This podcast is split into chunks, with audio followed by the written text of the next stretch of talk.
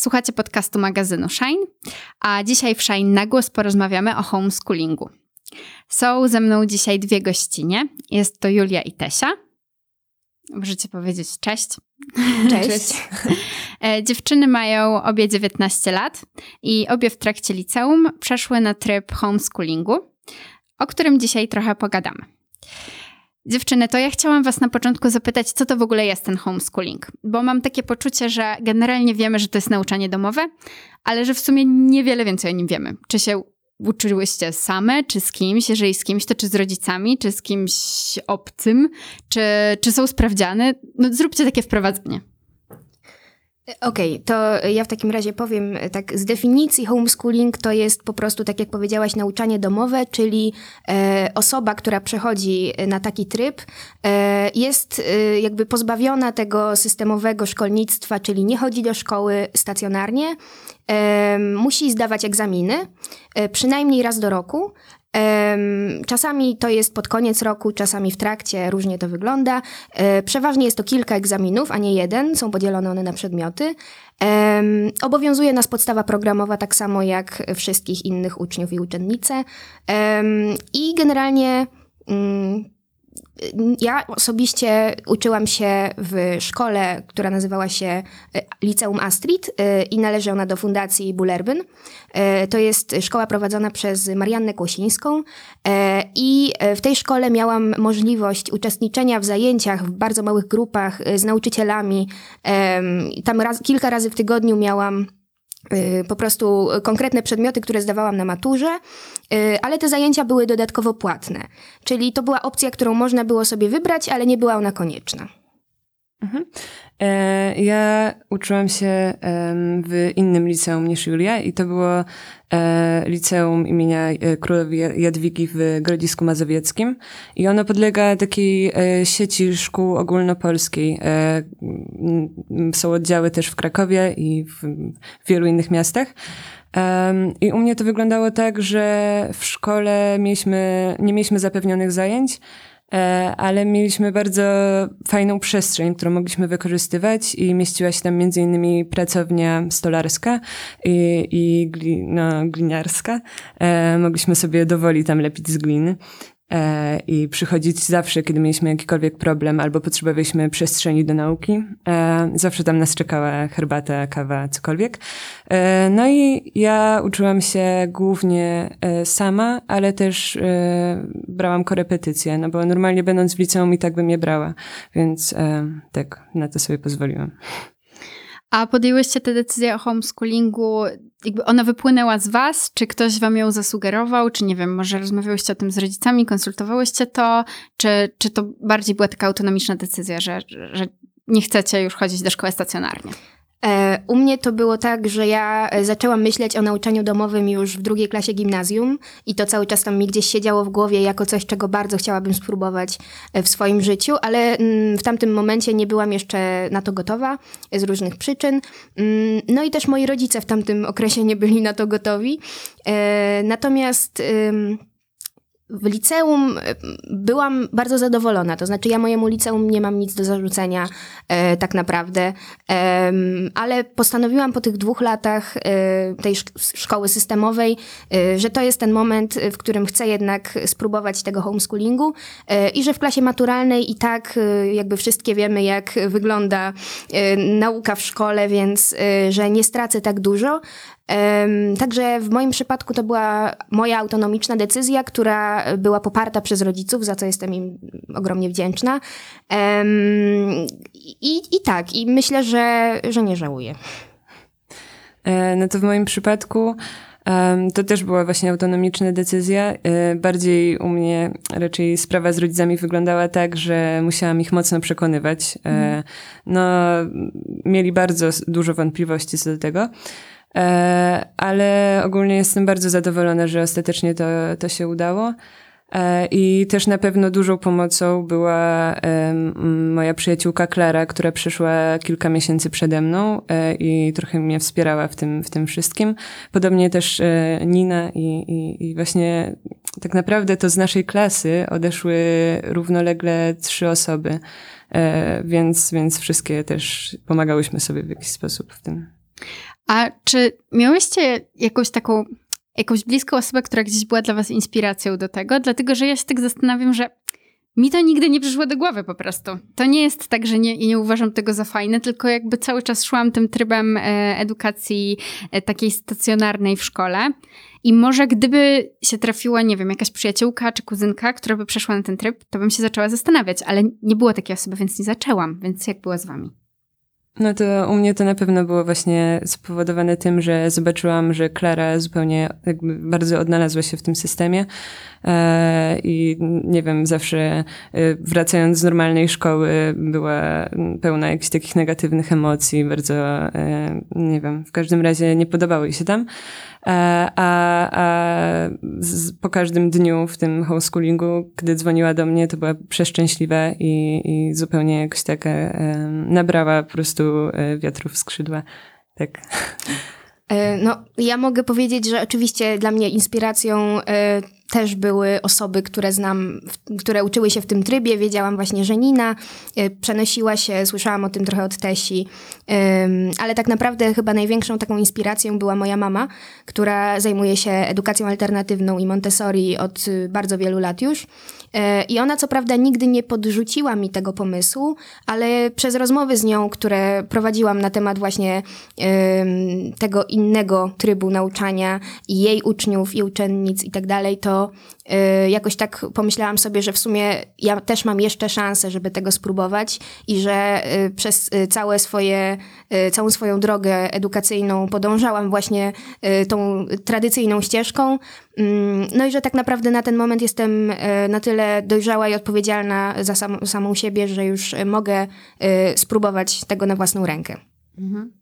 A powiedzcie, czy jak przechodzi się na ten tryb homeschoolingu, to trzeba to jakoś skonsultować z jakimś psychologiem, albo e, czy trzeba spełnić jakieś warunki, żeby przejść na ten tryb? Na przykład, nie wiem, mieć wystarczająco dobre oceny, albo coś takiego?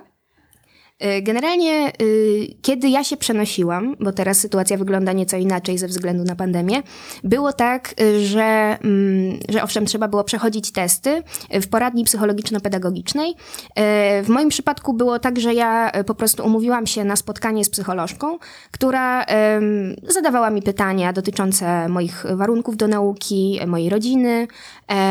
Trochę chciała wybadać po prostu, czy mam jakby możliwość uczyć się w takim trybie. E, a potem czekały mnie testy z pedagogzką, która po prostu mm, testowała mnie w takie śmieszne sposoby, na przykład każąc mi dopasowywać kształty do otworów, albo czytać na czas, y, albo napisać y, krótkie teksty. I tak naprawdę już po, tej, mm, po tych testach dostałam opinię z poradni, w której było napisane, że jakby jestem mm, uprawniona do kontynuowania nauki w tym trybie. Tak, tak. To u mnie wyglądało to bardzo podobnie i e, też właśnie ciekawą e, kwestią tego było to, że, że byłam poddana jakiemuś testowi na inteligencję i, i na różne obszary tej inteligencji i e, nie wiem, to wszystko było całkiem interesujące. E ja bym chciała jeszcze dodać jedną rzecz do tego, co wcześniej powiedziałam, czyli e, do tej sytuacji e, teraz, kiedy jest koronawirus. E, z tego, co wiem, na chwilę obecną nie są potrzebne te opinie z poradni, żeby przenieść się w tryb nauczania domowego, ponieważ po prostu no, byłoby to jakby ryzyko duże dla pracowników i pracowniczek tych instytucji, więc jest bardzo ułatwiona możliwość uzyskania takiej opinii online. Także dla wszystkich osób, dla których to jest y, przeszkoda w jakimś stopniu, y, myślę, że jest to dobry moment. A właśnie, skoro to teraz Julia powiedziałaś, to zapytam Was, dla kogo myślicie, że homeschooling jest? I też w kontrze może dla kogo nie jest? Moim zdaniem homeschooling jest prawie dla wszystkich e, i celowo tutaj mówię prawie, ponieważ oczywiście nie jest dla wszystkich. Natomiast e, uważam, że zarówno osoby dobrze zorganizowane, odpowiedzialne i wiedzące, czego chcą w życiu, e, bardzo z tego skorzystają, jak i osoby, które czują się systemem szkolnym mocno przygniecione, zdołowane, czy nie pozwala im to rozwinąć skrzydeł. E, natomiast uważam, że nie jest dla osób, które są poniekąd pośrodku. To znaczy, jeżeli ktoś e, ma dobre oceny, czuje się dobrze w szkole, ma tam znajomych, a jednocześnie nie czerpie z tego mm, jakby pełni satysfakcji, to znaczy ma poczucie, że może chciałby jeszcze coś zmienić, to uważam, że nie jest to dobra opcja o tyle, że jakby człowiek jest w stanie realizować się również poza szkołą i, i jeżeli ktoś jakby tych swoich pasji nie realizuje poza szkołą, to przeniesienie się na homeschooling y, jakby tego nie zapewnia. Więc y, uważam, że należy się bardzo poważnie zastanowić nad y, sobą i swoimi celami przede wszystkim. E, I ja na przykład po prostu czułam, że szkoła mnie ogranicza, że mimo tego, że znam tam kilka fajnych osób, to, to jednak wolałabym mieć więcej czasu na swoje mm, projekty i swoje życie pozaszkolne. I to mi bardzo po prostu dużo rzeczy umożliwiło. Także moim zdaniem prawie dla wszystkich, e, no z tym, że faktycznie trzeba trzeba trochę pomyśleć nad, y, nad własnymi y, wartościami i priorytetami. E, plus jest jedna rzecz, którą bardzo polecam, e, to znaczy w mojej szkole przynajmniej było coś takiego, że przed przeniesieniem się na homeschooling można było umówić się na konsultację z dyrektorką, właśnie z Marianną. I wtedy przychodziło się po prostu z rodzicami e, i Marianna bardzo długo i cierpliwie tłumaczyła, jak to wygląda, e, jakie niesie ze sobą wyzwania, ale też jakie możliwości właśnie. E, I jeżeli ktoś nie jest pewien, to jest myślę całkiem dobra opcja, żeby po prostu dokonać researchu. E, ja bym jeszcze do tego wszystkiego, e, z czym się zupełnie zgadzam, dodała takie jedno rozróżnienie na, e, na takie, znaczy na osoby, którym jest łatwiej uczyć się samemu i na osoby, którym jest ciężej. Ja na przykład należę, co no, jest całkiem dziwne, patrząc na to, że bardzo dobrze się odnalazłam w edukacji domowej, należę do osób, które jakby lepiej uczą się, kiedy ktoś im wszystko tłumaczy ale tutaj ja miałam takie duże szczęście, że na przykład w Warszawie mamy mnóstwo darmowych e, różnych kursów e, bądź, e, bądź lekcji finansowanych przez państwo i mam wrażenie, że jeśli dana osoba nie ma takich dużych zdolności do nauki samemu i pochodzi z jakiejś mniejszej miejscowości, może być jej zdecydowanie ciężko. A y, w takim razie, jeśli Tesia powiedziała o, o tym właśnie uczeniu się z innymi, mm, to ja jeszcze chciałam dodać, że jakby oczywiście y, to jest y, mój przywilej jako mieszkanki dużego miasta, natomiast ja po prostu wśród swoich znajomych miałam na tyle dużo osób, które były w tym trybie, że prawie codziennie spotykaliśmy się w mniejszej lub większej grupie i uczyliśmy się po prostu razem. I takich sesji naukowych, powiedzmy, mm, miałam dużo nie tylko w obrębie obrębie y, tych ludzi właśnie, z którymi byłam w liceum Astrid, ale też właśnie z y, dziewczynami, także to było na pewno bardzo pomocne. To jeszcze was dopytam o to, jaki przyjęłyście system uczenia się, oprócz tego, że już wiem, że Julia uczyłaś się ze znajomymi często. Jakby czy miałyście jakąś taką rutynę, czy uczyłyście się pięć dni w tygodniu, czy siedziałyście cały czas za biurkiem, a może wychodziłyście do kawiarni? Jak? W mojej sytuacji to było całkiem skomplikowane, ponieważ e, ja skupiłam się głównie na dwóch przedmiotach w tym ostatnim roku szkoły. E, i to była, e, była filozofia, bo starałam się napisać olimpiadę. I to było też malowanie i rysowanie, ponieważ próbowałam zrobić teczkę na SP, co mi się udało na szczęście, ale tak, więc jeśli chodzi o te dwa przedmioty, one zajmowały mi bardzo dużo dużo czasu e, i głównie właśnie chodziłam na takie darmowe zajęcia e, w Sceku. E, bardzo polecam to miejsce wszystkim. Oraz do takiej pracowni na Starych Bielanach, jeśli chodzi o rysunek. No i dodatkowo Dodatkowo miałam również kor, znaczy zajęcia dodatkowe, takie korki można tak nazwać, z matematyki i angielskiego. No a czas, który mi pozostawał, którego no, było dosyć niewiele. E, to e, spędzałam na przykład na nauce w domu, albo tak samo jak Julia ze znajomymi. A ja miałam tak, że każdy mój dzień wyglądał inaczej. E, nie miałam w ogóle rutyny, co czasami było oczywiście uciążliwe, zwłaszcza w takich miesiącach, które są wymagające, jeśli chodzi o produktywność zimowych. Natomiast z perspektywy czasu myślę sobie, że to jest jednak duża zaleta, ponieważ miałam po prostu bardzo elastyczny grafik i czas. E, I wyglądało to tak, że na przykład w poniedziałek miałam zajęcia e, z matematyki online, e, potem miałam trzy godziny później zajęcia stacjonarnie z historii sztuki w Zamku Jazdowskim albo właśnie z ceku z historii sztuki również. A w międzyczasie uczyłam się w bibliotece, w kawiarni, czasami w domu, jeżeli y, na to pozwalały okoliczności. I tak naprawdę mm, myślę, że to mi bardzo pomogło, kiedy zaczęła się pandemia, bo większość moich znajomych po prostu musiała się natychmiast przerzucić na tryb online i domowy, a ja miałam już pół roku doświadczenia, e, co, co było całkiem e, jakby ułatwiało sprawę. I tak, i, i, tak jak Tesia, też myślę, że y, tego czasu naprawdę nie zostawało wiele, tego wolnego czasu. To znaczy, jeżeli ktoś myśli, że homeschooling y, pozwala na y, wydłużenie doby o 24 godziny i na nieustanne kawki ze znajomymi, to, to nie. E, przynajmniej w naszych przypadkach.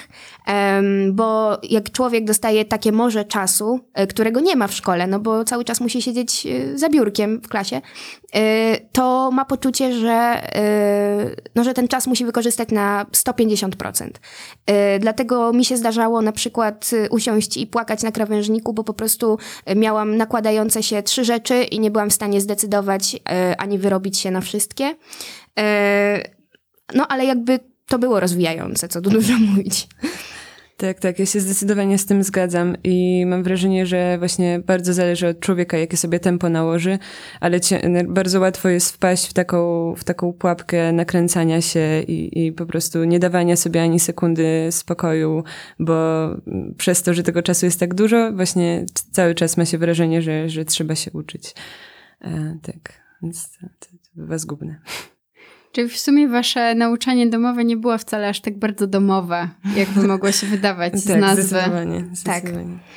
A słuchajcie, jak się pisze maturę? Sensie idzie, jakby jest się dalej pod e, jakimś liceum podpiętym, czy mhm. nie wiem, trzeba się zgłaszać do Ministerstwa Edukacji i powiedzieć, że hej, uczę się domowo i zorganizujcie mi maturę. Jak to wygląda?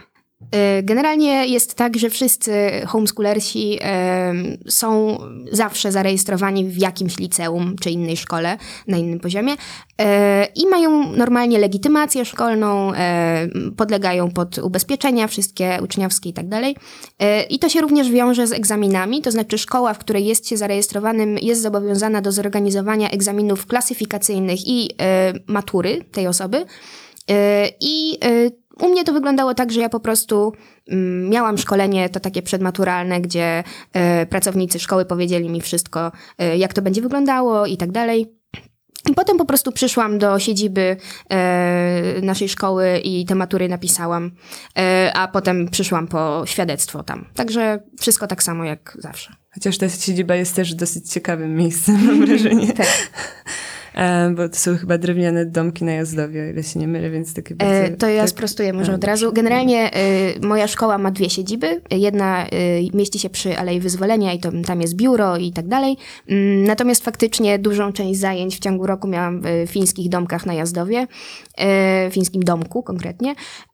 I do samego końca miałam nadzieję, że będę pisać maturę właśnie w tamtych ogrodach, ale niestety, niestety się nie udało, ponieważ powierzchnia była zwyczajnie za mała. E, ale miałam tam na przykład wszystkie inne egzaminy.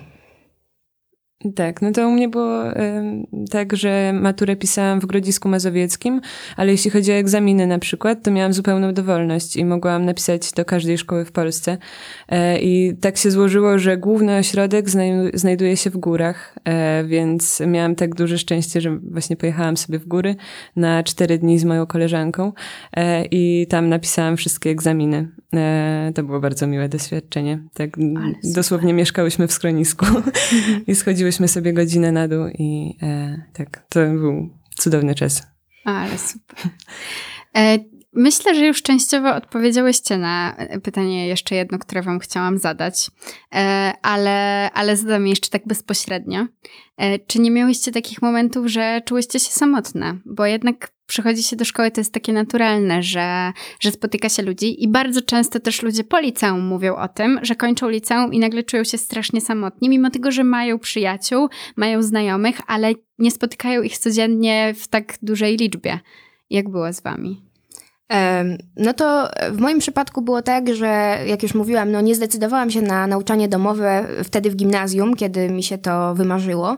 E, właśnie między innymi z tego powodu, bo bałam się, że wyrwana z tej e, systemowej szkoły e, będę sama i że te moje relacje nie będą na tyle głębokie, na ile mogłyby.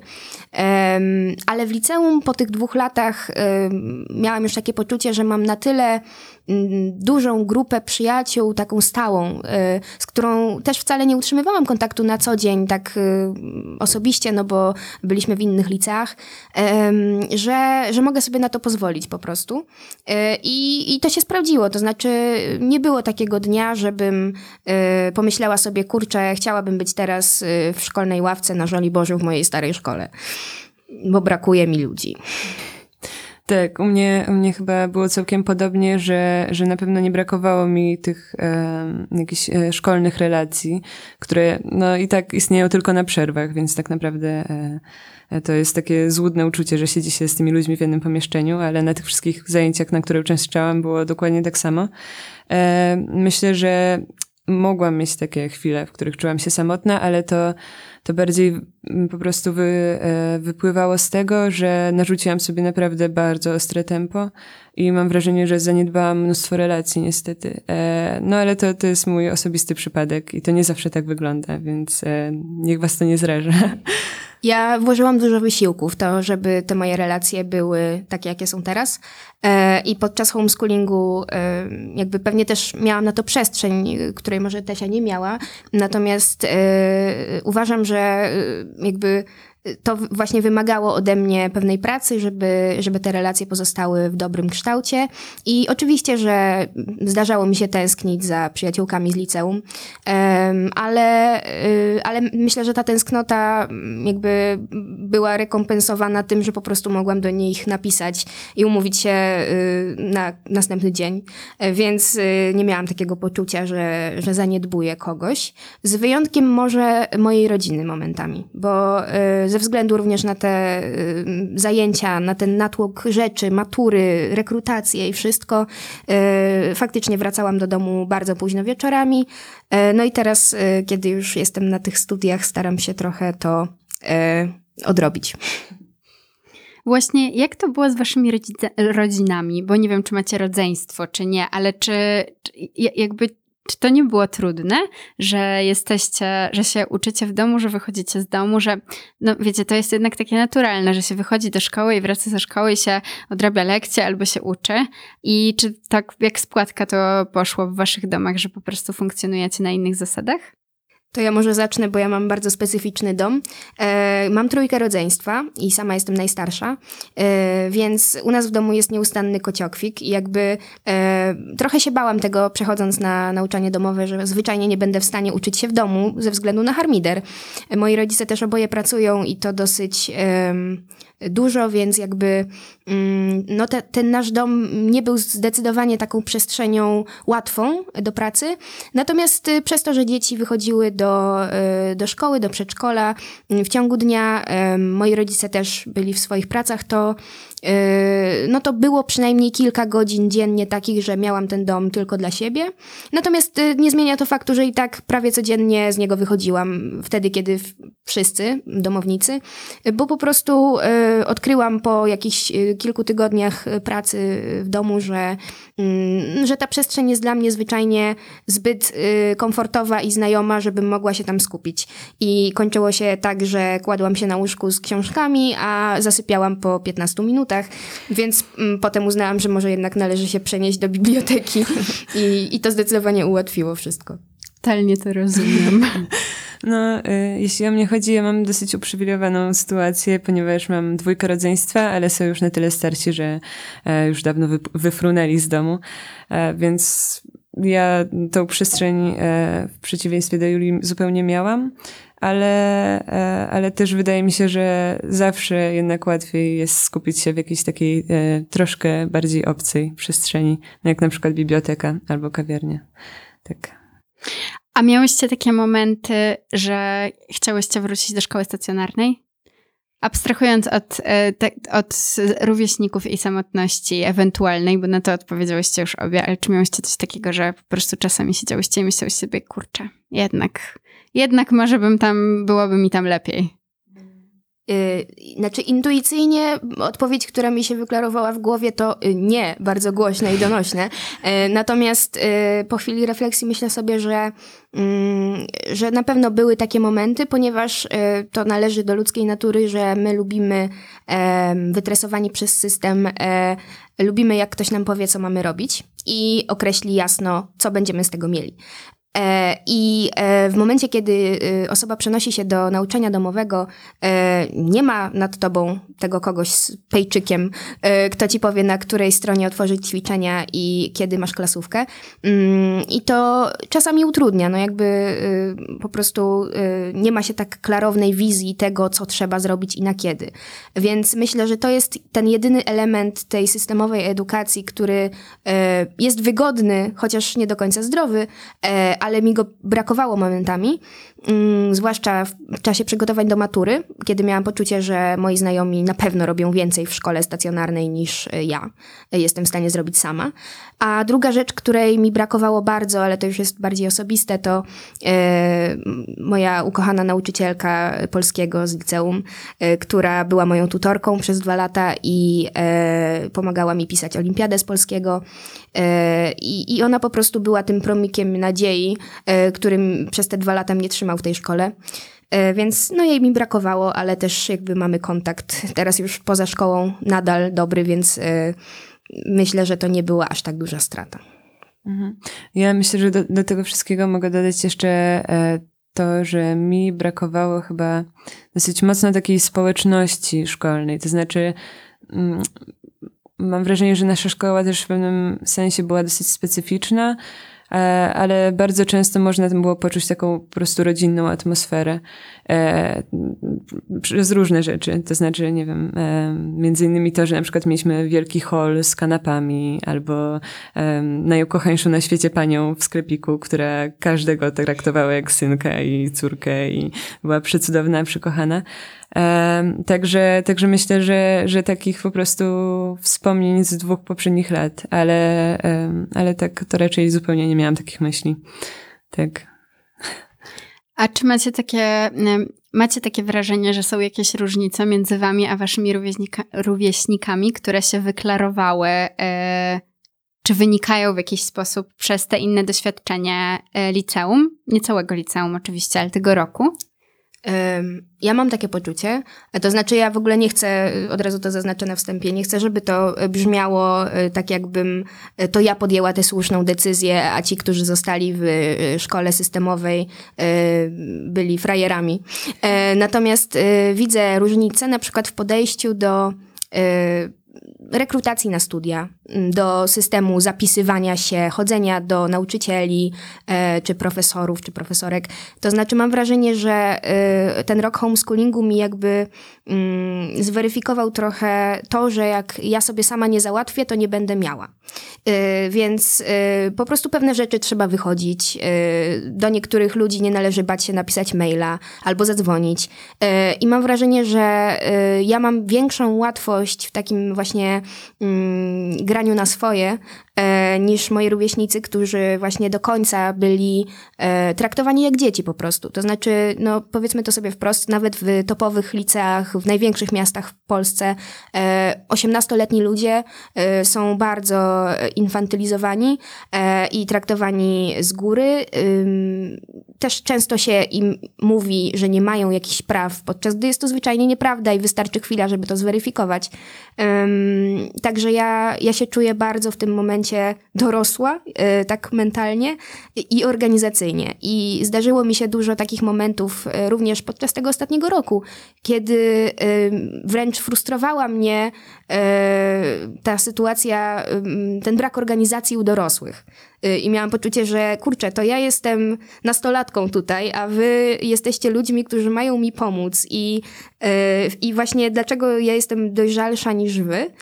Mm, ale potem sobie myślę zawsze, mm, że, że to może nie jest ich wina. To znaczy, że po prostu ten nasz system edukacji w Polsce y, działa tak, żeby wszystkich zrównać i y, żeby każdy był tylko numerkiem w systemie, więc, więc jakby nie można tych ludzi winić za to, jak czasami reagują. To ja się z wami podzielę tym, że ja miałam tak, że jak zaczęłam z tobą, Julia, pisać e, a propos tego odcinka, to myślałam naprawdę przez dłuższy czas, że jesteś starsza. I być może to po prostu wynika z tego, że jakby jakoś tak się dojrzalej wysławiasz w piśmie, nie tylko w piśmie, ale aczkolwiek jak odkryłam, ile masz lat i już byłam po jakimś czasie kontaktu z tobą, to, to pomyślałam, że chyba że, że chyba to trochę wynika z tego, że już przez ostatni rok byłaś jakby wypuszczona z systemu szkolnego.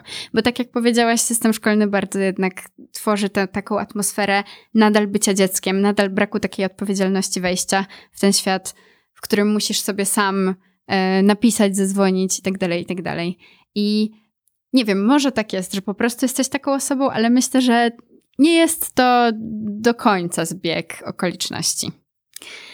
A słuchajcie, czy, e, czy, w tym, e, czy w tym homeschoolingu jest tak, że łatwiej jest się znaleźć sobie jedną ścieżkę, którą chce się iść, czy powiedzmy dwie ścieżki, którymi chce się iść i nimi podążać, niż w szkole? Bo e, wydaje mi się, że w szkole jednak bardzo dużo ludzi cierpi przez to, że ma powiedzmy 10 przedmiotów i musi się uczyć wszystkiego, nieważne jakie ma zdolności. I czasem trudno jest wyłapać to, że rzeczywiście się ma do czegoś wyjątkową wrażliwość?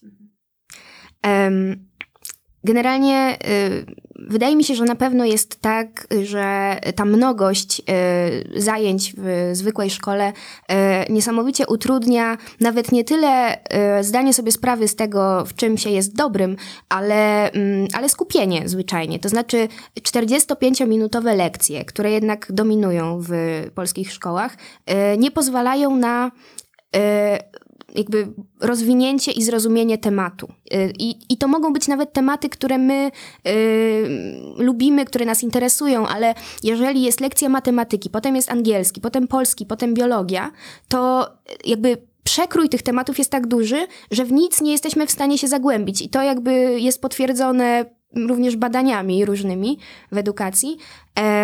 I homeschooling y, daje na pewno tę możliwość wyboru. To znaczy, moje dni potrafiły wyglądać tak, że miałam wtorki poświęcone angielskiemu, y, czwartki na historię sztuki i poniedziałki na angielski, y, znaczy na mm, polski, nieważne. E, I, I po prostu skupiałam się tylko i wyłącznie na jednym temacie. I to niesamowicie paradoksalnie usprawniało pracę, e, bo miałam takie poczucie po całym dniu polskiego, że zrealizowałam jakiś duży kawałek pracy, pracy um, i że mogę przejść dalej po prostu. A jeśli chodzi ci o e, takie rzeczy bardziej pozaszkolne, e, które właśnie, które, które się robi, to, e, to tak, no, czy mi homeschooling bardzo pomógł w zdaniu sobie sprawy z tego, e, co tak naprawdę chcę robić dalej, e, bo do, myślę, połowy roku szkolnego byłam przekonana, że chcę iść na uniwersytet, e, na artes liberales, albo na, e, znaczy na kulturoznawstwo, e, albo na coś w tym rodzaju, bardzo takiego teoretycznego. Natomiast potem zdałam sobie sprawy, że ja nie jestem osobą, która jest w stanie pisać długie teksty godzinami, siedzieć nad książkami i analizować je bardzo dogłębnie, mm, tylko że potrzebne mi jest działanie i trochę jednego i trochę drugiego. No i stąd wziął się wybór moich studiów obecnie. Mm, także myślę, że na pewno ten rok wolności, powiedzmy, e, pozwolił mi zweryfikować swoje też umiejętności e, i to, co robię dobrze i to, co mi sprawia radość. I jestem teraz bardzo zadowolona. Zobaczymy, jak to będzie wyglądało dalej, ale to otwiera głowę po prostu.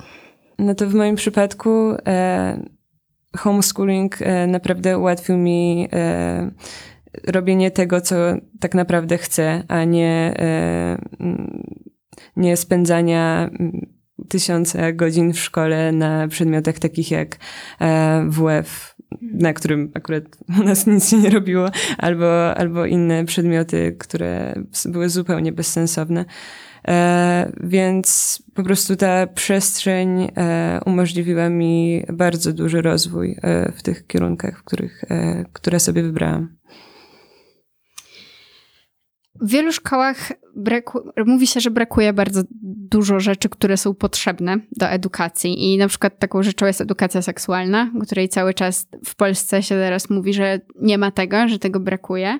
I czy w homeschoolingu wszystkiego miałyście pod dostatkiem, czy też wam czegoś brakowało? Jeśli chodzi o edukację seksualną, to y, trudno chyba mówić w naszym przypadku o tym, bo jesteśmy y, częścią bardzo uprzywilejowanego środowiska, które ma do tego dostęp cały czas, tak naprawdę, y, więc to nie była chyba dla nas zbyt duża różnica. Natomiast mam wrażenie, że wyrwanie się z takiego właśnie tego trybu godzinowego 8-15 e, daje też, e, poszerza po prostu możliwości jakby zgłębiania wiedzy na własną rękę. I oczywistym jest, że no nie miałyśmy dodatkowych zajęć z edukacji seksualnej e, w ramach homeschoolingu, bo miałyśmy inne rzeczy na głowie. Natomiast no, jeżeli byłam w stanie, ucząc się na przykład matematyki, zrobić sobie półgodzinną przerwę i w tym czasie przejrzeć Instagrama grupy Ponton albo coś w tym rodzaju, to już było wystarczające. A wiem, że jakby w szkole normalnej no, nie ma przestrzeni na takie rzeczy zwyczajnie. Także yy, jeśli ci chodzi o brakujące przedmioty, yy, to mam wrażenie, że jeżeli ktoś zdaje sobie sprawę z tego, czego mu brakuje osobiście, to na pewno jest w stanie sobie to zapewnić yy, w nauczaniu domowym czy to y, za pieniądze, czy to ze znajomymi, czy w ogóle y, jakby korzystając z tych możliwości, które daje nam y, miasto, czy państwo, czy jakieś, jakaś społeczność za darmo. Tak, ja się w pełni podpisuję pod tym. Zawsze w naszym podcaście zadajemy pod koniec odcinka takie pytanie, co cię jara? I chciałabym Wam zadać to pytanie, ale chciałabym je rozszerzyć w tym przypadku, dlatego że zazwyczaj e, rozmawiałyśmy z osobami, które już pracują w jakimś zawodzie i rozmawiałyśmy o tym zawodzie. Więc pytanie, co Cię jara, dotyczyło tego jakby, co Cię jara poza tym zawodem. Mhm. A Was bym chciała zapytać, co Was jara, ale jeszcze, żebyście opowiedziały trochę o tym, co teraz robicie po, po liceum i po tym roku homeschoolingu. Okej, okay, to y, mnie jara teatr y, i reżyseria teatralna. Y, I to jest docelowo coś, co chciałabym robić zawodowo. I na ten moment myślę, że mm, staram się pogłębiać tę wiedzę na temat teatru i właśnie wszystkiego, co z nim związane na własną rękę, co robiłam również przez ten rok homeschoolingu. Także, także to jest moja zajawka, już trwająca od prawie pięciu lat. Natomiast jeśli chodzi o to, co robię teraz, to y, właśnie studiuję, zaczęłam studia wczoraj y, na Wydziale Zarządzania Kulturą Wizualną na Akademii Sztuk Pięknych w Warszawie. Y, I no, mogę tylko powiedzieć, że póki co jest wspaniale. Są to studia, które łączą przedmioty teoretyczne związane ze sztuką, czyli właśnie historię sztuki, wrażliwość społeczną, teorię architektury i, i kultury E, z przedmiotami praktycznymi, takimi jak malarstwo, grafika, e, ceramika, e, grafiki techniczne, przepraszam, cyfrowe i inne tego typu rzeczy, więc po tych studiach ludzie zostają i kuratorami w muzeach, i reżyserami, i artystami. Y, także to daje bardzo dużo wolności w wyborze i to jest chyba to, co mnie najbardziej w tym kręci. To znaczy ta interdyscyplinarność, y, która y, była również przez ten rok ostatni i nie zamierzam z tego rezygnować. No i docelowo jest tak, że chcę zrobić tam licencjat, a potem zdawać na reżyserię, czy to w Polsce, czy za granicą i zostać reżyserką. E, z rzeczy, które mnie jarają, e, których jest naprawdę chyba całkiem dużo, e, to myślę, że takimi głównymi to jest wspinaczka wysokogórska, no i też po prostu wspinaczka i, i rzeźba. Tylko, że z tym nie mam jakoś za dużo doświadczenia. Czasem po prostu sobie biorę drewno i coś tam sobie dłubię. Czasem coś wychodzi, czasem nie, ale, ale to jest jakiś taki mój sposób na odstresowanie. O, ostatnio bardzo mnie jara robienie na drutach. To jest coś wspaniałego. E, bardzo się wkręciłam. E, no, a jeśli chodzi o to, co teraz robię, e, to właśnie również zdałam na Akademię Sztuk Pięknych, tak samo jak Julia, tylko że na Wydział Grafiki. No i zaczynam dopiero w poniedziałek. Mam nadzieję, że będzie super. To ja tak podsumowując ten odcinek, chciałabym powiedzieć, że strasznie się cieszę z tego, że Was spotkałam i że usłyszałam to wszystko, dlatego że wydaje mi się, że homeschooling nadal w Polsce nawet w dużych miastach, ma jakąś taką łatkę tego, że, mm, że decydują się na niego osoby, które mają jakiś problem ze szkołą albo w szkole, albo po prostu mają problem i nie mogą nadrobić szkoły. E, ja, ja mam dwóch braci też niepełnosprawnych i właśnie przez długi czas jeden z nich był na nauczaniu domowym i myślę, że też może z tego ja mam tę łatkę w głowie, ale wydaje mi się, że nie tylko, że też społecznie ona jakoś funkcjonuje. Więc to jest super, że są takie osoby jak wy i że mówicie o tym, że no, że właśnie nie, że homeschooling jest tak naprawdę prawie dla każdego i że może być niesamowicie rozwijający i nie wynikać z problemu, tylko z chęci, yy, tylko z chęci po prostu spróbowania działania nie w systemie. Chociaż jeśli wynika z problemu, to oczywiście też jest zupełnie spoko, ale mhm. że to też jest po prostu alternatywa dla szkoły. Tak, tak, tak.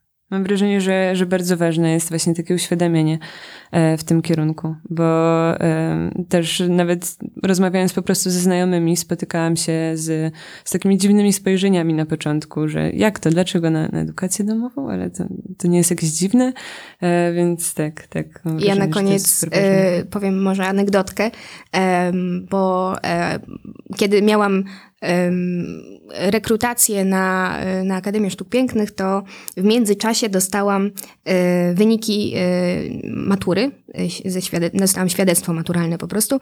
I pamiętam, że wstawiłam wtedy na Instagrama takie zdjęcie, na którym było napisane że fuck you wszyscy, którzy mówiliście, że, że w homeschoolingu się będziesz obijać.